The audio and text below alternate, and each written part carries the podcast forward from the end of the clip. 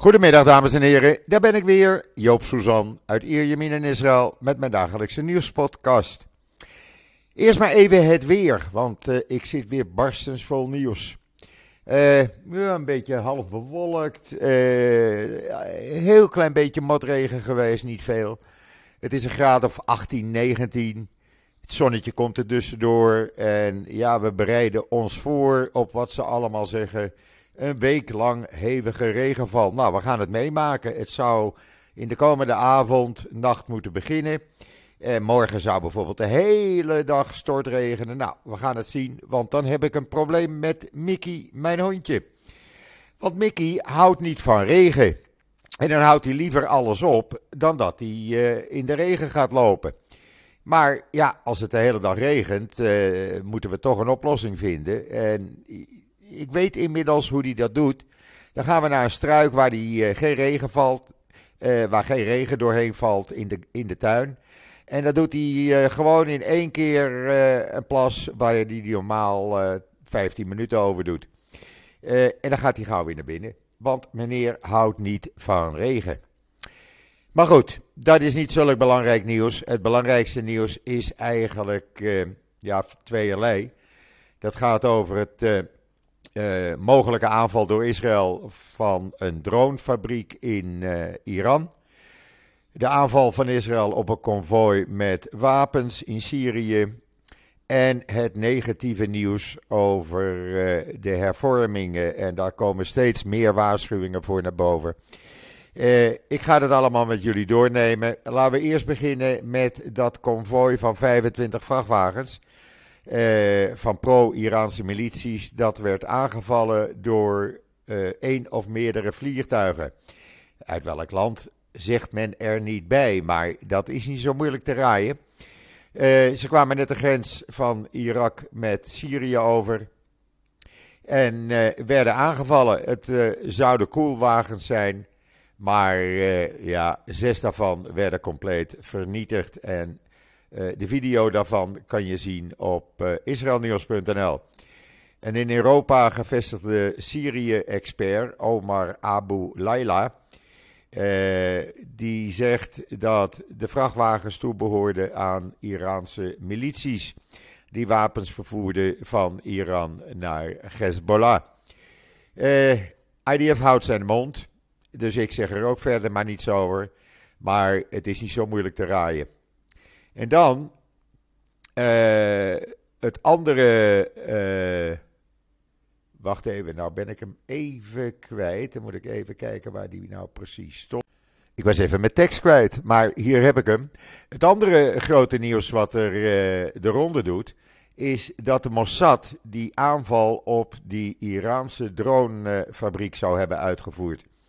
Dat is die dronefabriek waar onder andere de drones worden gemaakt die Rusland gebruikt in uh, Oekraïne. Uh, en niet alleen volgens de Washington Post, maar ook volgens de New York Times en allerlei hoge Amerikaanse inlichtingenfunctionarissen, die natuurlijk anoniem blijven, die zeggen dat Israël die aanval heeft uitgevoerd om zijn eigen veiligheidsbelangen te beschermen. Uh, en het ging dus niet om de wapenexport naar Rusland te verhinderen. Rusland is daar helemaal niet blij mee. Die uh, veroordeelt dat. Oekraïne heeft gezegd: We hebben jullie gewaarschuwd, Iran. Uh, alsof Iran Israël gevraagd zou hebben die fabriek aan te vallen. die kamikaze-drones, jullie weten het wel, die worden sinds september ingezet om in Oekraïne allerlei burgerlijke locaties en doelen aan te vallen. Uh, die worden in die uh, fabriek gemaakt in uh, Isfahan. Isfahan. Ik spreek altijd dat woord verkeerd uit. Ehm, Iran zegt: nee hoor, er zit een klein gaatje in het dak. En voor de rest helemaal geen schade, niets. We hebben zelfs een drone te pakken gekregen. Maar als je dan de video's ziet, dan zie je enorme ontploffingen. Dus dat kan nooit een gaatje zijn. ja, dat Israël eindelijk iets gaat doen. Ja, het is geen verrassing, laat ik het zo zeggen. Uh, Bennett was er al mee bezig in die tijd toen hij premier was. En Netanyahu heeft natuurlijk alles op alles gezet om deze fabriek aan te gaan vallen. Uh, ja, ik zou niet verbaasd zijn als gewoon Israël het wel gedaan heeft met een, een droneaanval. We hebben die drones, die kunnen we gebruiken en die kunnen die afstand overbruggen. Dus ja, het is groot nieuws en het zal voorlopig groot nieuws blijven. Wat ook nog groot nieuws is hier in Israël, is het feit, uh, de nasleep zeg maar, van de aanval, uh, terreuraanvallen die zaterdag, vrijdagavond en zaterdag zijn uitgevoerd. een van die mensen die omkwam, die was een paar uur daarvoor grootvader geworden, maar hij heeft dat kind nooit kunnen zien. Dat is verschrikkelijk. Minister van Defensie Galant, je kan dat lezen in Israël Nieuws, zei zondag dat Israël uh, kalmte zoekt, maar niet aarzelt om op te treden tegen terreur. Hij zegt: We zullen niet aarzelen om op te treden tegen terrorisme. We willen de rust en stabiliteit. Uh, en dit betekent dat we routinematig het leven van diegenen die niet bij terrorisme betrokken zijn, in stand houden en beveiligen. Want, zegt hij, elke terrorist zal voor de rechter worden gedaagd of eeuwige rust krijgen. Nou, dat uh, is niet zo moeilijk te raden wat dat inhoudt natuurlijk. Het zijn uh, krachtige woorden, maar ja, uh, Galant is een vrij rustig persoon. een oude legergeneraal. En ja, die weet waarover die spreekt. Ja, en dan Gisteravond op Channel 12 nieuws, Nobelprijswinnaar Daniel Kahneman, die zegt: Dit is het einde van het land zoals ik het ken. Hij zegt: Ik maak me vandaag meer zorgen dan tijdens de Yom Kippur-oorlog. Want, zegt hij, wat hem zorgen baart, is de juridische revolutie die de regering promoot. Uh, en hij zegt, uh, ja, er zijn protesten van alle kanten. De, de gouverneur van de Bank van Israël heeft bij Netanyahu aan de bel getrokken. Ga er niet mee door. Hij zegt, voor mij is dit bijna het einde van de wereld. Dit is het einde van het land zoals ik het ken, zegt de 88-jarige Kanman. Hij won in 2002 de Nobelprijs voor de economie. Dus het is geen domme man, laat ik het zo maar zeggen. Hij zegt: Wat er gaat gebeuren, dit is niet het land waar ik ben opgegroeid. Dit is niet het land waar mijn kleinkinderen zullen willen wonen. Hij zegt: Want wanneer de uitvoerende macht de rechterlijke macht overneemt, met andere woorden, de Knesset of de regering neemt de rechterlijke macht over, bestendigt het de regel van welke partij dan ook. Dit is ongetwijfeld het einde van de democratie. Hij is niet de enige, de eerste die dat zegt. Hè? Want hij zegt een wijs woord en ik ben het volledig met hem eens. Volgens uh, Kahneman sluit Israël zich aan bij Hongarije, Turkije en Polen. Een zeer respectabele club van dictaturen die doen alsof ze een democratie zijn. Hij zegt het proces begint altijd met de afschaffing van het rechtssysteem zoals wij het kennen, als een onafhankelijk systeem en gaat verder met uh, het knijpen van uh, de pers en de individuele vrijheid. Kaanman trouwens won in 2013 ook de presidentiële Medal of Freedom, Freedom van Amerika. Hij kreeg die van Obama. dus het is echt wel iemand die we in de gaten moeten houden. En als Netanyahu en zijn club hem niet, niet naar hem luisteren, ja, naar wie luisteren ze dan wel? Want gisteren, of uh, vanmorgen, is er een uh, document geproduceerd door tientallen oud-CEO's uh, van ministeries van Economische Zaken, die dus de leiding daar hadden, tegen diezelfde juridische revolutie. Het was bijvoorbeeld de ex-directeur-generaal van het ministerie van Financiën, het ministerie van Transport. dan was er het voormalig hoofd van de begrotingsafdeling van het ministerie van Financiën. De directeur-generaal van het ministerie van Energie. En ga zo maar door. Allemaal knappe koppen.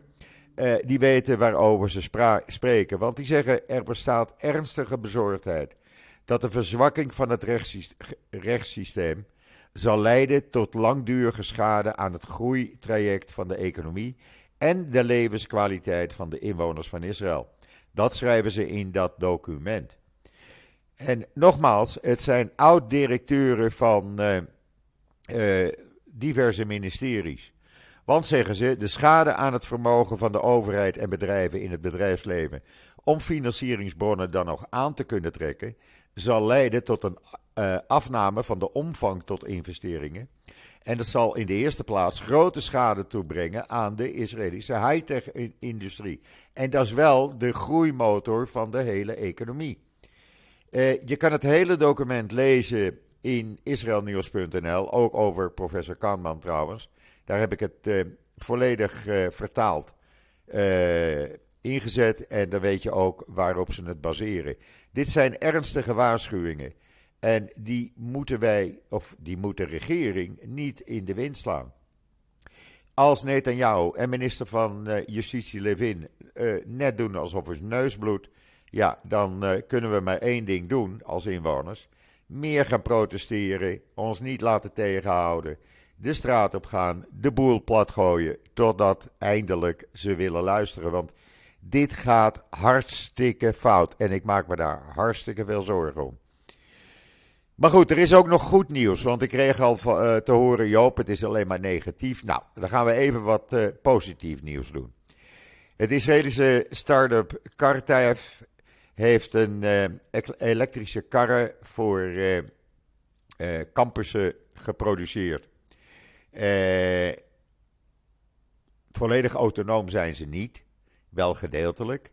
Maar ja, je kan dan schoon over de campus rijden en een soort golfkarretjes zijn het. Uh, je kan er in de buurt, in je buurt mee rijden. Uh, ja, het zijn milieuvriendelijke karretjes. Daar zullen ze in Nederland wel blij mee zijn. Kan je ook lezen op israelnieuws.nl trouwens. Daar, waar je ook kan lezen dat de Israëlische start-up Theator, die heeft een soort uh, ja, uh, internetprogramma gemaakt. Waarbij ze in ene keer alle uitslagen kunnen samenvatten. Ze kunnen met uh, chirurgische video, ze kunnen een analyse van chirurgische videobeelden alle minuut maken. Om de patiëntenresultaten te verbeteren en de patiënten korter in het ziekenhuis te houden. En precies te weten wat en hoe te behandelen. Hartstikke goed nieuws natuurlijk voor de vele patiënten. En dan zei eh, premier eh, Netanyahu gisteren eh, aan het begin van de kabinetsvergadering, er wordt hier altijd een persconferentie gehouden. We zullen met ijzeren vuist zullen wij stappen nemen om terreur uit te roeien. Ja, en wat krijg je dan? Dan gaat hij zeggen, we zullen de nederzettingen in Judea en Samaria versterken. Met andere woorden, uh, die illegale nederzettingen, ga er maar vanuit, die worden allemaal gelegaliseerd zoals het in het uh, coalitieprogramma staat. Want dat wil meneer Smotterig en meneer Benkwier. Uh, dan zegt hij wat er nog meer gaat proberen, wat er nog meer gaat gebeuren, is dat mensen die Israëlische identiteitskaarten hebben en familieleden zijn van terroristen, daar worden die ID's ingetrokken. Uh, ze kunnen dan niet meer in Israël komen. Uh, en er worden meer wapenvergunningen aan duizenden Israëli Israëlische burgers afgegeven. Ja, ik zei dat gisteren ook al. Het is aan de ene kant logisch, maar aan de andere kant ook niet. Want het werkt nog meer uh, geweld hier in Israël proper in de hand. Want ja, nu hebben al veel mensen wapenvergunningen. Daar, zullen, daar gebruiken heel veel de uh, vergunningen voor, voor zaken die niet uh, kosher zijn, om het maar eens te zeggen, in de criminaliteit. Uh, als er een vechtpartij is, dan wordt er gauw een wapen getrokken. We moeten niet naar Amerikaanse toestanden gaan. Het helpt echt niet. We hebben een goed leger, we hebben goede grenswachten, we hebben goede politie. Laten die het opknappen en niet de burgers. Daar moet je niet mee beginnen. Ja, en dan was er ook nog de voormalige procureur-generaal en voormalig lid rechter van het Hoge Rechtshof, uh, Menachem Mazous. Die zei zondagavond dat uh, Uh, ja, hij zegt eigenlijk hetzelfde. We, vervallen in herhalingen. Maar hij zei ook. Uh, om de onafhankelijke bevoegdheden van het Hoge Rechtshof in te perken, betekent een ernstige bedreiging, de ernstigste ooit, zegt hij, voor de Israëlische democratie. En dat is dus een voormalig lid van het Hoge Rechtshof en voormalig procureur-generaal. Het is ook geen dome jongen. Hij zegt: het uh, stappen om het uh, gerechtssysteem te hervormen en minder uh, kracht te geven, verpletteren de democratie. Dan gaan de evenwichten raken zoek. En ja, dan worden de mensenrechten beschadigd. En dat moeten we niet willen. En ik begrijp dus niet waarom Netanyahu niet luistert. Uh, maar goed, wie ben ik? Ik kan alleen maar protesteren. Ik hoop dat de mensen wakker worden en dat iedereen zich achter de oren gaat krabben. En gaat zeggen van ja jongens, zo kan het niet verder. We moeten uh, hervormingen prima. Maar niet dat het gerechtssysteem even aan de kant wordt gezet.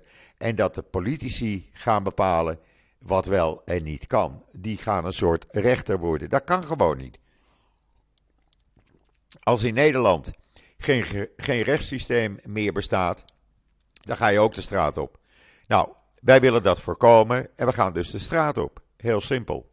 Lees het allemaal in uh, Times of Israel, israelnieuws.nl, Jeruzalem Post. Je ziet tig keer dezelfde verhalen. En dan die terreuraanslagen, daar zegt Ynet News heel duidelijk van. Ja, dat is de grootste nachtmerrie van meneer Ben geworden. En dat is ook zo. Het is weliswaar een opinie, maar niet van zomaar iemand. Wie heeft dat geschreven?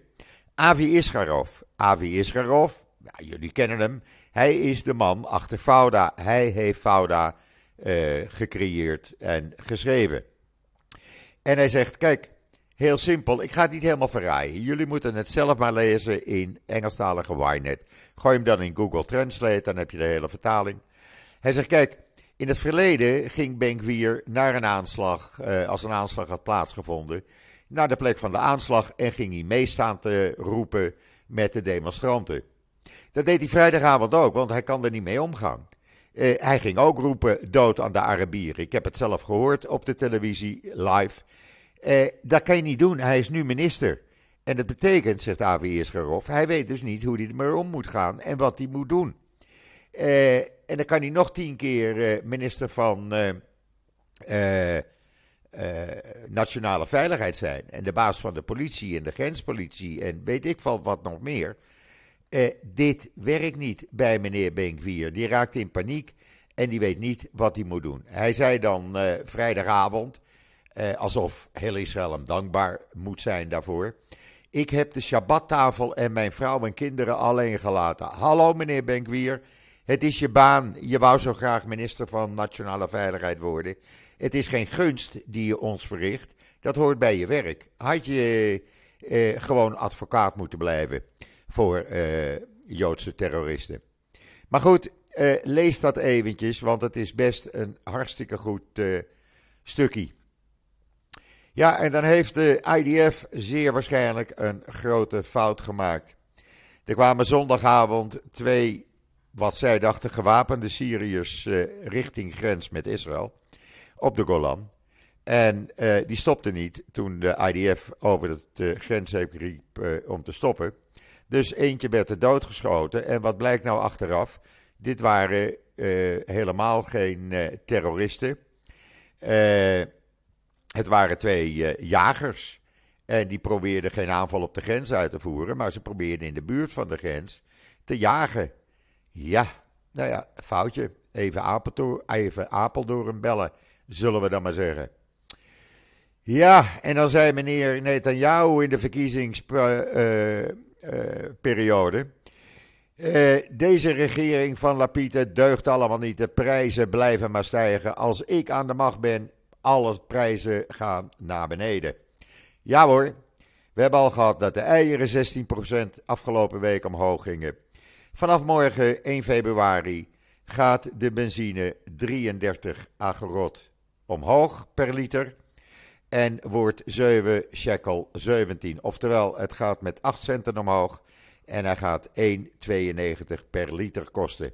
Omdat de prijzen zo naar beneden gaan door onder meneer Netanyahu. Ja, sorry.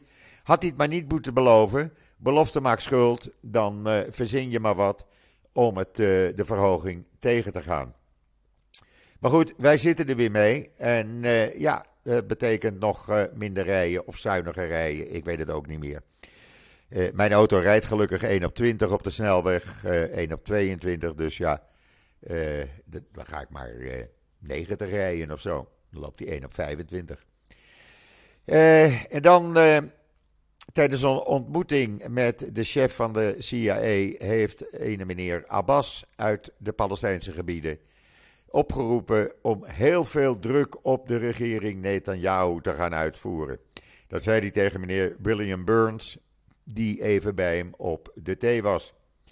Uh, en dat vond dan plaats aan de vooravond van het bezoek wat minister van Buitenlandse Zaken Blinken van Amerika uh, vandaag en morgen aan Israël en meneer Abbas gaat uh, geven.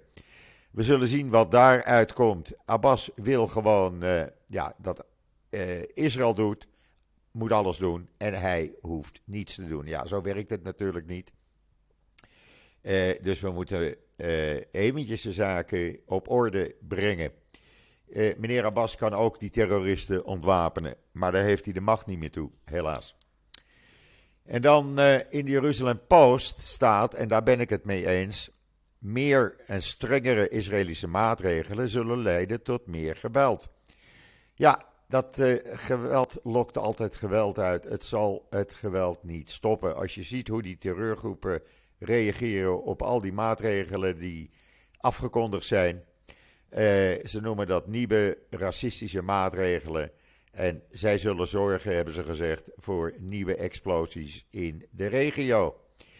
Ja, wat we na, daarna mee moeten. Uh, kijk, je maakt vrede met vijanden en niet met je vrienden natuurlijk. Uh, we zullen zien wat er gaat gebeuren. En dan ja, is er iets raars aan de hand. Ik las dat in de Times of Israel vanmorgen. Uh, de regering heeft de geheimhouding uitgebreid voor een aantal olie-infrastructuurbedrijven die in staatseigendom zijn, zodat ze niet bekend hoeven te maken met wat ze bezig zijn. Dat wordt nog eens een keer met vijf jaar verlengd. En er waren 300 bezwaren tegen die beslissing. Maar ja, dat zal uh, schijnbaar onder die nieuwe wet al gelden. Uh, ze doen net of hun neus bloedt. En er wordt niets gezegd over wat deze drie staatsbedrijven eigenlijk aan het uitvoeren zijn en hoe milieuverontreinigend ze bezig zijn. Want ook dat, daar doen ze weinig aan. Uh, staat in de Times of Israel trouwens vanmorgen. Uh, aan de andere kant hadden we, uh, ja, dat is ook wel even in deze context te noemen. We hadden natuurlijk die milieubelasting op plastic, eh, plastic eetgerei, plastic borden, kopjes thee, messen en vorken, noem maar op. Dat werd door de vorige regering uh, ingesteld om het gebruik van dat plastic te verminderen. Nou, dat wordt hoofdzakelijk gebruikt door ultra-orthodoxe families die op Shabbat niet afwassen en die zoveel bestek en borden nodig hebben. Drie keer, vier keer. Gasten ontvangen, ja, die gebruiken graag dat plastic. Nou, dat was een van de eisen van meneer Smotrich en de ultra-orthodoxe partijen. Dat moet eraf. Nou, die is er gisteren afgegaan. En de minister van Milieu is pissig. Want die zegt, ja, dan moet er binnen een half jaar iets anders verzonnen worden. Waardoor we toch een beetje de milieu uh, normen in de gaten kunnen houden. Want wat blijkt, Israël is de op één na grootste gebruiker van plastic, eetgerei en bestek ter wereld. Hè? Uh, en dat kan niet. Dat kan niet. We moeten dat milieu een beetje gaan beschermen. En als ultra-orthodoxen uh, niet willen afwassen, gebruiken ze maar karton en papieren borden en kopjes en schoteltjes. Dan mag geen bestek, de, of ze sparen het maar op en zetten een paar keer de afwasmachine aan na Shabbat. Maar we kunnen niet omwille van uh, eh, 17% van de bevolking even het hele land vervuilen. En dan zijn Israëlische settlers uit de nederzettingen die blijven dag in dag uit sinds Smotrich en Benkwier in de regering zitten. Palestijnse huizen en auto's in de fik steken. Gisteren weer in een dorpje Turmus Ayai, vlakbij Ramallah. Daar werd een huis en een auto in de brand gestoken. En dat is een uh, price tag, zoals dat heet, van settlers. Die denken wij worden toch niet uh, aangepakt nu wij uh, vertegenwoordigers in de regering hebben. Kan je lezen in de Jeruzalem Post. En dan in Wynet is men nogal geschokt, want wat bleek, dat tienerjongetje van 13 die zaterdag een terreuraanval uitvoerde op Joden in de oude stad, dat hij begon te schieten. Het blijkt dat zijn schoolboeken vol met Israël-haat stonden. Zo worden die kinderen op school geleerd. Uh, ja, dit kan toch gewoon niet. En dat wordt dan gesteund door de EU. Hij liet een briefje achter in een schoolschrift waarin hij zijn wens uitsprak om te sterven tijdens een aanval op Joden. Uh, en God zou hem de overwinning en martelaarschap geven. Ja, een jongetje van 13 jaar, waar zijn we mee bezig? Kan die EU niet eens zorgen dat er normale schoolboeken komen? Er staan voorbeelden in Wynet, je kan het uh, met je eigen ogen zien. En dan zei een van die overlevenden van die aanval op vrijdagavond in de Times of Israel, die terrorist die riep tegen hun, er waren twee vrouwen, ik schiet geen vrouwen neer. Prompt schoot hij er eentje door het hoofd. Ja, terroristen, wie vertrouwt ze dan ook? En dan het uh, Sheba Medical Center heeft een hele actieve rol, spelen ze, in het nieuwste uh, ziekenhuis van Bahrein. Die kunnen eigenlijk niet zonder uh, inbreng van het Sheba Medical Center. Dat is natuurlijk hartstikke mooi. Je kan dat lezen in de Jeruzalem Post. Uh, ze zijn actief betrokken bij dat futuristische ziekenhuis in Bahrein. En uh, ja, alle innovaties die Sheba gebruikt, die worden daar ook in gebruikt. De artsen worden geleerd hoe ze ermee om moeten gaan. Verplegend personeel wordt geleerd.